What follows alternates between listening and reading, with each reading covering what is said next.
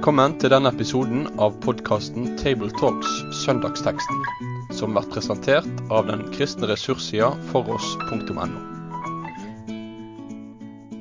Hjertelig velkommen til en ny episode av Tabletalks. Mitt navn er Øyvind Kringstad. Jeg arbeider som regionleder i Misjonssambandet Nord. Og har eh, to andre med meg i eh, ukens podkastepisode. Konrad, vær så god først. Ja, jeg heter Konrad Helgesen og er redaksjonsmedlem i Foss og student på Fjellhaug. Ja, det glemte å si. At det er jo jeg også. Vegard? Ja, Vegard Soltveit heter jeg. Ikke student på Fjellhaug. Jobber i Den norske ishavsmisjonen som generalsekretær, og er med òg i redaksjonen i For oss. Og vi har for oss nå den eh, teksten eh, som er satt opp for første søndag i fastetida. Fastetida er jo en ja, nokså lang periode, egentlig, i forkant av påskehøytida. Og det håper og tror vi at skal prege litt samtalen i dag også, at vi eh, har en todeling når vi skal eh, snakke om den teksten som altså er fra Matteus 26, vers 36 til 45, som vi straks skal lese. Eh, hvor vi både har et skal vi kalle det, fasteperspektiv på teksten, og et påskeperspektiv. Vi skal komme litt tilbake til eh, akkurat hvordan vi gjør det. Men eh, Konrad, vi leser teksten eh, først. Vær så god. Så kom Jesus med dem til et sted som heter Getsemane, og han sa til disiplene, sett dere her mens jeg går dit bort for å be. Han tok med seg Peter og de to Sebedeus-sønnene, og sorg og angst kom over ham. Da sier han til dem, min sjel er bedrøvet inntil døden, bli her og våk med meg. Og han gikk et lite stykke fram, falt på sitt ansikt og ba. Far, er det mulig, så la dette begeret gå meg forbi. Men ikke som jeg vil, bare som du vil. Han kommer tilbake til disiplene og finner dem sovende. Og han sier til Peter, så var dere da ikke i stand til å våke én time med meg. Våk og be for at dere ikke må komme i fristelse. Ånden er villig, men kjødet er skrøpelig. Så gikk han bort og ba for andre gang. Min far, kan ikke dette begeret gå meg forbi uten at jeg må drikke det? Da skjer din vilje. Da han kom tilbake, fant han dem igjen sovende, for øynene deres var tunge av søvn. Og han lot dem være og gikk igjen bort og ba for tredje gang med de samme ordene. Deretter kom han tilbake til disiplene og sa til dem, dere sover ennå og hviler dere. Se, timen er nær da menneskesønnen skal overgis i synderes hender.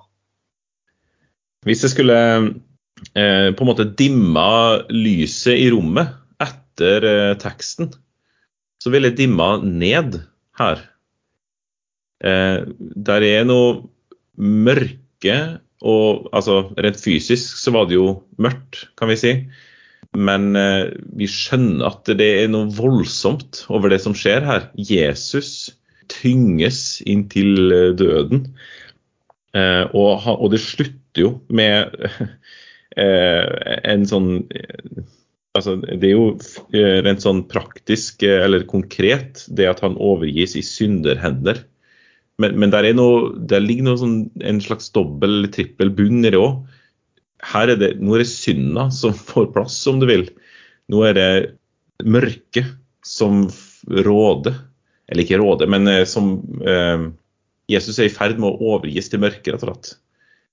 Og det er jo det som skjer rett etterpå, med at han eh, går eh, veien ja, håper å si via Pilatus til korset her, da. Ja, jeg tenker også det at det er det, det er jo på vei inn mot uh, langfredag. Det er på vei inn mot uh, mørket som, som kommer. Eh, så på den måten så, så ser de jo altså, Og det er jo virkelig nå timen er kommet. Det begynner jo, ikke sant? Og dette har jo evangelistene tatt opp, og Jesus sitert eh, sant, at til denne time er jeg kommet. Det er nå det skjer. Eh, og det er klart at her er det prøvelser for Jesus. Og, og, og, og i Getsemane, det er jo det er kanskje der kampen står for han. Nå kjemper han. Er, er, er dette for tungt, eller skal han klare å gå inn i det? Så um, det, er, det, er, det er en sterk tekst, og det blir jo enda sterkere når vi tenker at han har med seg sine aller nærmeste, og så sover de. Ja. Uh, men det er jo noe av den det vi møter den teksten. Og jeg tenker hvis jeg vil jo tro at alle kristne i dag også, som er i Getsemane, får den følelsen her, her skjer kampen. Har, har, har dere vært i Getsemane, Øyvind og, og Konrad? Beklager. Jeg har vært der. Ja, hvor har vært der?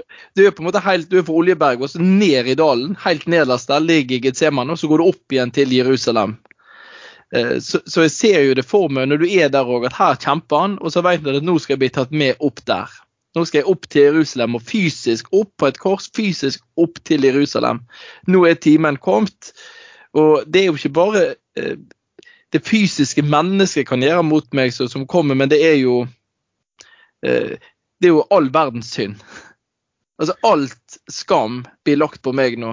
Her er det en kamp som står. Så det er helt riktig, tenker jeg, Øyvind, å si at nå, nå mørknes det til.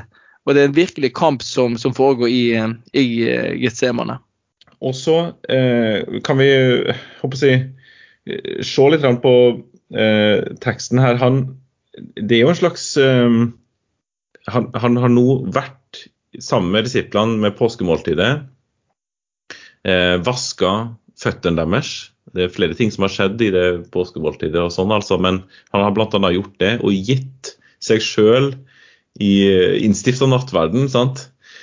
Og så fortsetter han å gi eh, seg sjøl Vi skal komme, kanskje komme litt tilbake til det i andre halvdel her. Men så har han med seg tre stykk. Sebedeus-sønner er jo Jakob og Johannes.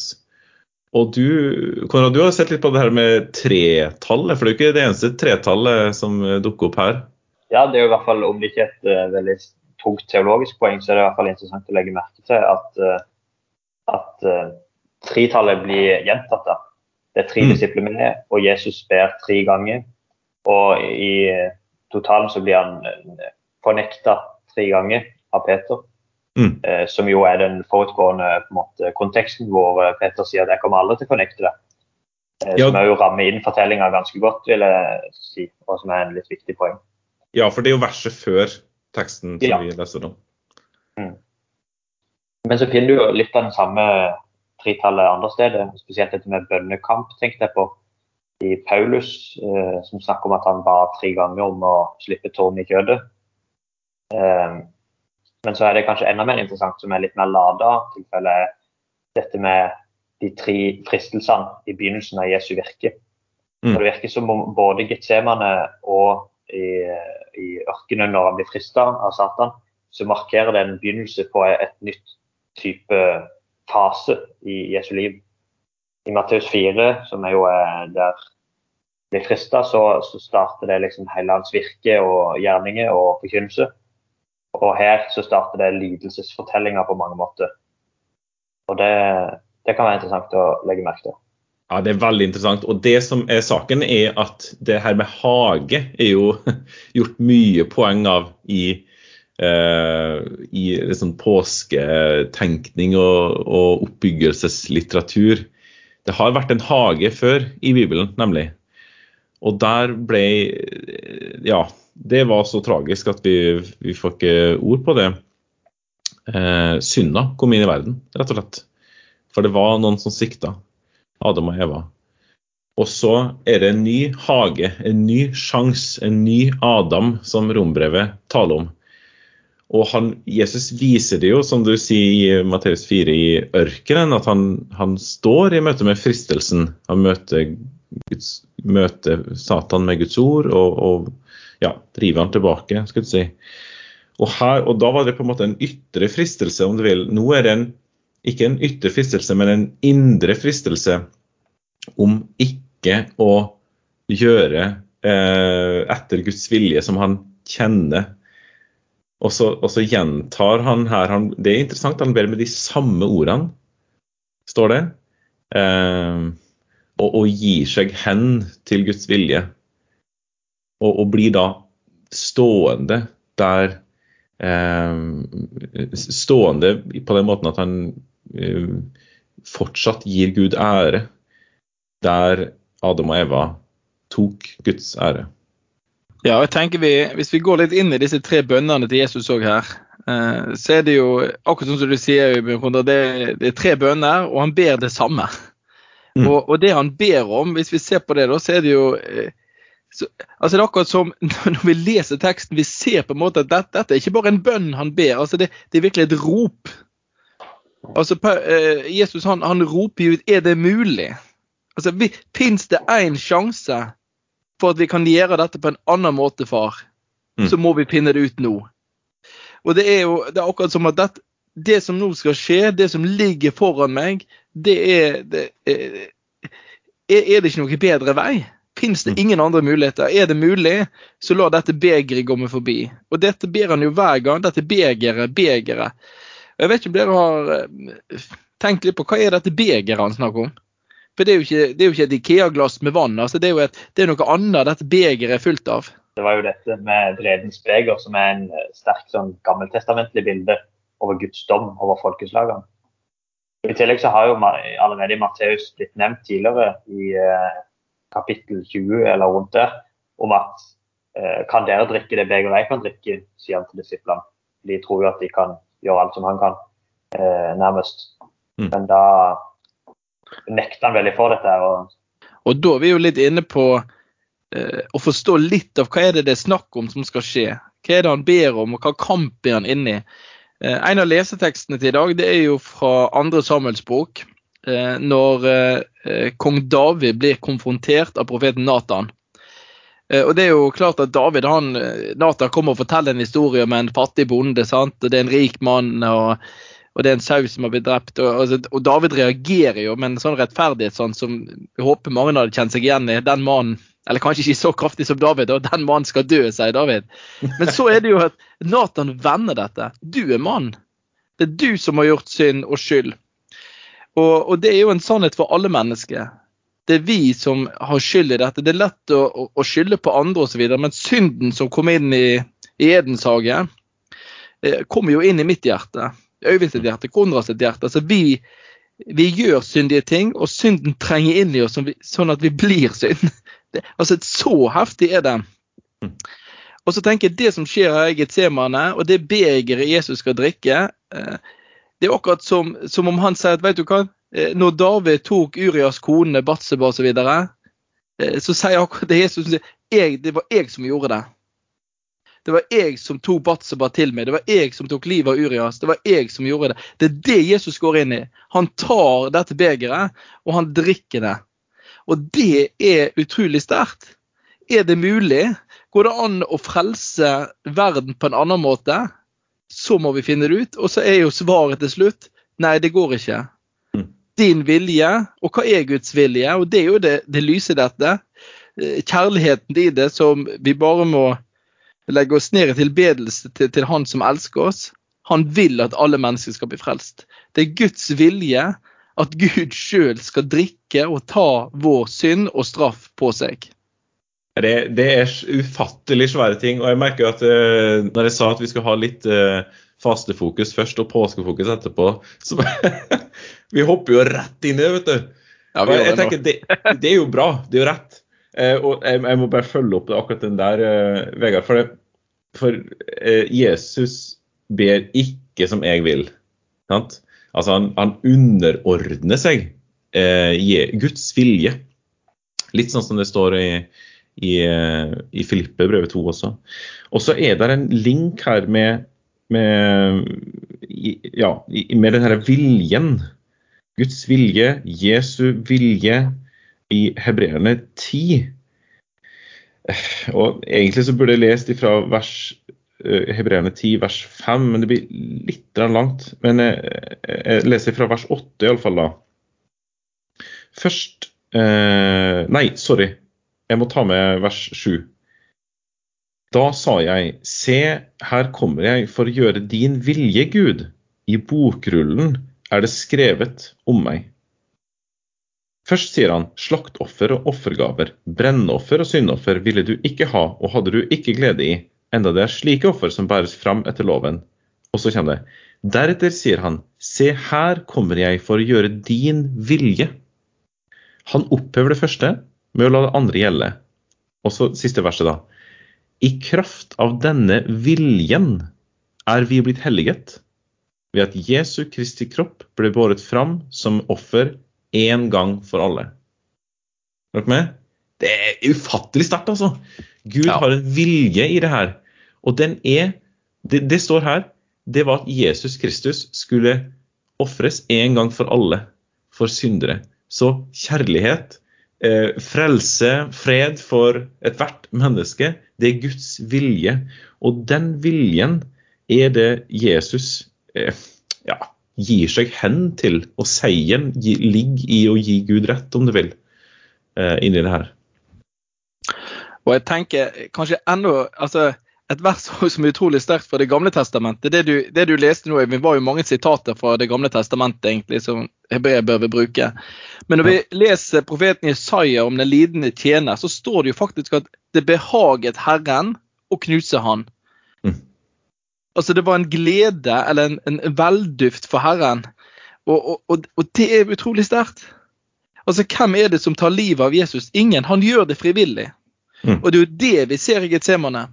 Og jeg tenker Den gamle kirkehistoriske løgden på en måte som, som vi i kirka faktisk har gjort, det er jo å gi det jødiske folk skylda. Dere er Kristusmordere osv. Eh, det, det, er- det er Gud som gjør det. Han gjør det for oss. Og, og han må gjøre det fordi at vi er syndere. Så på en måte er vi alle skyld i det. Og samtidig så er det han som velger det. Og det er nåden. Mm. Uh, og jeg tenker at Det blir jo bare enda sterkere å tenke at denne kampen kjemper Jesus alene. Disiplene sover. Han er alene i Getsemane. Svetten renner som blod. altså Da er du i dødsangst. Og så kommer dette svaret 'ikke som jeg vil, men som du vil'. Og Der kommer vi jo inn på mange andre eh, diskusjoner, selvfølgelig, eh, teologisk. Eh, har Gud og, og Faderen to ulike viljer? Og så videre, Men jeg, tror ikke vi går inn på det nå. Gjør vi det? Nei. Nei, ikke veldig mye, men det er jo i hvert fall viktig å si at, eh, at det både og er sant. Altså, det er Gud som gir seg sjøl, og det er Sønnen som, som gir seg, om du vil. Ja, og det er jo absolutt noe som blir betont sterkt med den teksten, er jo Jesu menneskelighet eh, i stor grad. Og, og for det første så vil jeg si at det er jo en sterk kontrast både med tanke på disse tre vennene som blir valgt ut. Hvor er det vi treffer de igjen? Jo, det er i Matteus 17, eh, hvor Jesus blir forklart og hele hans herlighet og guddommelighet blir opphøyd og han samtaler med Elia og Moses om hva som skal skje. Ja, og det er jo bare et par søndager siden at den teksten var på bordet, sant? Stemmer. Eh, så, så Den kontrasten er jo interessant å legge merke til. Her Først guddommeligheten, nå menneskeligheten på mange måter. Og Hvorfor er menneskeligheten viktig? Det kan man jo si mye om. Men en av de er jo at eh, som Det er litt sånn klassisk formulert er at det som ikke Jesus har antatt av vårt, det kan han heller ikke frelse. Altså Det han ikke har tatt opp i seg, det kan han heller ikke føre gjennom døden og over i livet. Dermed kan han ikke heller vi stå opp som, eh, som menneske. Så Det er sånn, og derfor, det er et godt argument for at ja, han måtte være fullt ut menneske. Ikke noe halvveis menneske eller se ut som et menneske, som var mye av den vranglæren som den oldkirka møtte tidlig. Mm. Ja, det er jo nydelig. For det, når vi her får et sånt kjempetydelig eh, si, eksempel eller fortelling om at Jesus virkelig var menneske, om du vil, også, så på en måte Ja, OK. Da skjønner jeg. Han evner å ta med hele meg. Alt det jeg er, om du vil. Hele mitt menneske, all, alle deler av meg. Det var med på korset. Han ble OK, nå skal vi dra den fra andre korinterbrev. Han ble gjort til synd. Ja. For oss. ja det, det, det her er jo Det er det det står i andre Korinterbrev. Blir gjort til synd for oss. Jeg tenker også på, den, på en annen lesetekst som er i dag, faktisk. Så er det jo fra brevbrevet den òg, fra kapittel 5. Og da er vi inne i brevbrevets um, tekst som handler om øverste prest. Uh, altså han og, og, og ja, hvis dere har tid der hjemme, og det, det har dere jo egentlig, vi har jo tid til å lese Guds ord, så les disse tekstene fra brevbrevet også. Og hvordan hebreerbrevet legger fram altså Jesus som øverste presten. Eh, Og da henvises det jo nettopp til Getsemane i denne teksten. F.eks. det som er tekst, leseteksten i, til denne søndagen, kapittel 5 og vers 7 osv. Og da sier de nettopp det Konrad er inne på. da Jesus levde som menneske. Altså han er 100 menneske, 100 Gud. Men når Jesus var menneske, 100 menneske, så bar han fram bønner og nødrop med høye skrik og tårer til han som kunne frelse ham fra døden. Han ble bønnhørt fordi han var gudfryktig. Enda han var sønn, lærte han lydighet ved å lide. Her går han lidelsens vei. Han går den eneste veien som fins, eh, og det er gjennom Getsemane opp mot Jerusalem. Det er veien han går. Og så ber han om det. Begeret blir ikke tatt vekk. Dette er Guds vilje. Og han gjør Guds vilje for oss. Han blir gjort til synd for oss. Dette begeret tar han. Ja, Angående dette verset så syns jeg det er et uh, ganske merkeverdig vers. Altså, Her står det at han var menneske, og han bar fram bønner og nødrop med høye skrik og tårer. Det kaster jo lys over teksten vår til og med, og sier at det var ikke bare en rolig bønn, men det var skrik. Uh, det er Hebreerne 5 du leste fra noe sant? Ja, Hebreerne 5, 7. Ja. Yep. Eh, men så står det og han ba til han som kunne frelse ham fra døden. Og så ble han bønnhørt, står det i tillegg. Altså han, Den kontrasten er så Jeg syns det er så rart at han, ja. han, blir, han, ber om Eller det ligger liksom i teksten som om han ber om han kunne blitt slippe dette her. Men så blir, også står det at han blir bønnhørt. Og så rett etterpå så dør han jo. Så hva er det som skjer her, liksom? Han blir jo bønnhørt. Han ber jo om ikke som jeg vil, men som du vil. Og så er det akkurat det som skjer. Ja. Og det er jo det som er djupest her. Hva er det for en nåde og en kjærlig øverste prest vi har? Jo, det er ikke en som gjør dette av plikt eller fordi han, han, må, det er en som vil. Og han er annerledes enn alle andre øverste prester. Det er jo det som er kontrast nok til David. og Nå var ikke David prest, men han var jo konge. og alt, men eh, han er uten synd. Han har ikke gjort sånn som de andre øverste prestene, som først må ofre for seg sjøl, og så videre kunne gå inn og ofre for folket. Han kan gå inn, eh, som rein, rettferdig. Og ikke nok med at han bare ofrer seg for Israels folk, men han ofrer seg for hele verden. Én gang for alle. Fullkomment offer. Og det er jo det som ligger på andre sida av Getsemane.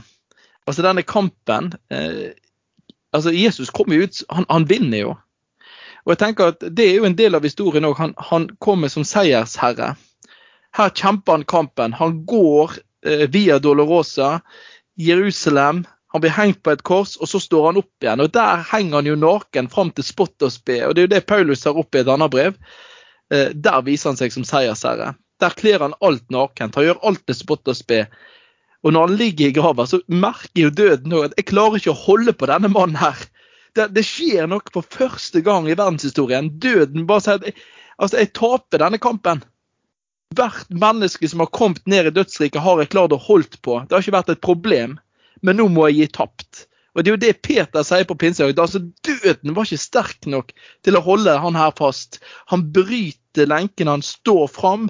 Og Det er jo slutten av leseteksten i brevbrevet. Hva er det som venter? Hva pris er det han får for dette her? Da han hadde nådd fullendelsen fra brevbrevet 5.9, ble han opphav til evig frelse for alle den som adlyder han. Han som av Gud ble kalt øverste prest av samme slag som Melkisedek. Og der er jo på en måte finalen her, da. Han som vinner. Han som virkelig er en øverste prest, som frelser alle mennesker. Og som har vunnet en evig seier. Og det er halleluja verdig, det. altså, hvis jeg hadde hatt sko på nå, så hadde jeg tatt dem av, tenker jeg. Nei, Ja, det er helt rått, altså. Begge, begge de ti siste tingene som dere har uh, nevnt her, det, det er voldsomt sterkt. Og så Ja, OK. Men også et litt annet perspektiv som jeg har lyst til å løfte fram. Uh, og, og, da, nå kommer det kanskje litt sånn faste greier her, da. Uh, altså den kampen som han ber bønnekamp. Du nevnte Konrad Paulus sin bønnekamp. Han skriver om det i i Korinterbrevet hvor han tre ganger ba om å bli kvitt den tornekjødet, men han ble ikke det. Og så er budskapet der min kraft fullendes eh, i kraften fullendes i svakhet, som er voldsomt sterkt i seg sjøl. Um, men jeg tenker, her er det et, et bud, og, eller ikke bud sånn, da, men altså et budskap um, til enhver som kjemper, og som kjemper i bønn, og som ikke opplever at svaret blir som en har tenkt, eller, eller ønsker i alle fall. Kanskje, men, men, jeg håper å si både og. Det er litt sånn uavhengig. Eh, poenget er at det her er en veldig kamp som Jesus har. Og han ber med de samme ordene. Det, er, det går an å si at eh, ja, vet du hva? Eh, du trenger ikke å finne opp nye bønner. Du trenger ikke å, å liksom, du kan hvile i ting som er sagt fra før av. Og så syns jeg det er veldig interessant å se det her at det var tre ganger han ba. Og de to første gangene så blir vi faktisk litt kjent med hva slags ord han bruker. Og det står at det er de samme ordene eller de samme bønnene, men det er ikke det. Jeg vet ikke om dere har lagt merke til det. Det er forskjell fra første til andre. Det er en større overgivelse, mener jeg jo helt tydelig kunne se, i den andre bønna fra den første. Så og, og, Hvor mye skal man legge i det? Jeg er litt usikker. Men, men jeg tror vi må si det at eh, det å være i, i kamp med Gud, altså i, i bønn, da skjer det noe. Gud har, eh, kan gjøre noe i ens hjerte. Og mm, ja, det skjedde med Jesus her. Jeg tror vi kan si det så enkelt som det. altså. Mm. Jeg vil også bare supplere med et par ting på dette med bønn. og eh, Dette med å lese pastebønner, f.eks. Så kan vi se to ting her. Det første er at han i, til å begynne med så skriver han, eller sier han til disse eh, som han tar med seg, disse tre Min sjel er bedrøvet inntil døden. Og Da siterer han faktisk et salmevers. Eh, og et sånn salmevers som er et refreng i en eh, salme 42 og 43. Jeg tror de hang sammen til å begynne med. Ja, okay. Eh, og, og, det er liksom dette som går igjen da, som en, eh, et fokus. Også dette siste leddet av, av setninga 'til døden' så kan det henspille på Jonah som sier 'jeg er så sint at jeg kunne dø'. Og det er det samme, samme greske ordet, da, hvis du bruker septuaginta, den greske oversettelsen av GT. Mm. Men det, en annen ting jeg ville si mer om, var egentlig dette med at når Jesus ber, så, ber, så ser du faktisk at han siterer den bønnen han har lært disiplene sine sjøl, nemlig Fader vår. Det syns jeg er litt spennende. Det har jeg ikke lagt merke til før. Eh, og Det handler jo både om dette med min far, sier han. Det blir jo hans egen versjon av vår far i den samme formen og tiltaleformen, da. Eh, og så har du i tillegg dette med 'som du vil', som jo er ganske tydelig sånn sett. Eh, la din vilje skje, rett og slett. Og i tillegg dette med ikke, eh, at vi skal be om å ikke komme i fristelse, som vi har i vers 41. Mm. Sånn at han på en måte henviser til det han har lært tidligere. Og det viser jo at Fader vår kan du be i alle situasjoner og forme etter. Ja. Nei, jeg tror Det er noe spennende der, syns jeg. Det er herlig. altså. Jesus bruker den bønna sjøl. Det er jo egentlig det han gjør her, da. Mm. Jeg har lyst til å, å, å, ta oss litt med inn i fasten. Så nå har vi tatt en runde om påske, og kanskje det var lurt å begynne med påske. Fordi at vi Jesus frelser oss. Han tar denne kampen for oss som vi har snakket om. Han han tar denne striden for oss. Og så tenker jeg på ett vers fra, som Paulus har til Timoteus. For der sier han til Timoteus, som en frelst, en som tror på Jesus eh, Nå skal du, Timoteus, stride den gode strid. Og kanskje det skal vi ta med oss. Han som har stridd for oss, han som har vunnet for oss. Vi har allerede seier i Jesu navn. Så ligger det noe med i livet vårt. Derfor strid den gode strid.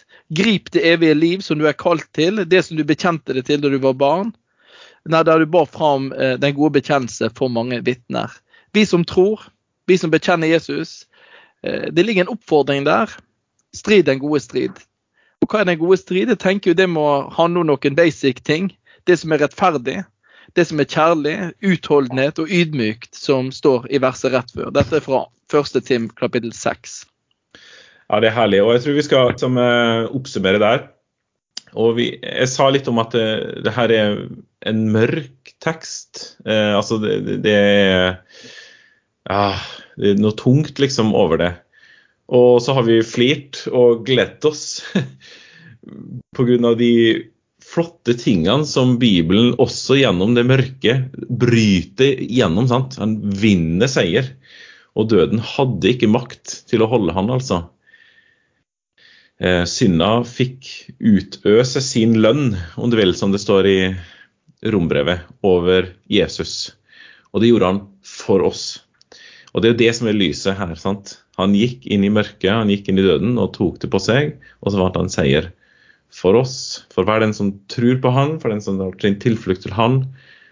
Åh, Gjør det, la oss leve i det. Vi ber om velsignelse for enhver som har lytta nå, over den kommende uka. Med det sier vi takk for følget for denne gang. Finn flere ressurser, og vær gjerne med å støtte oss på foross.no.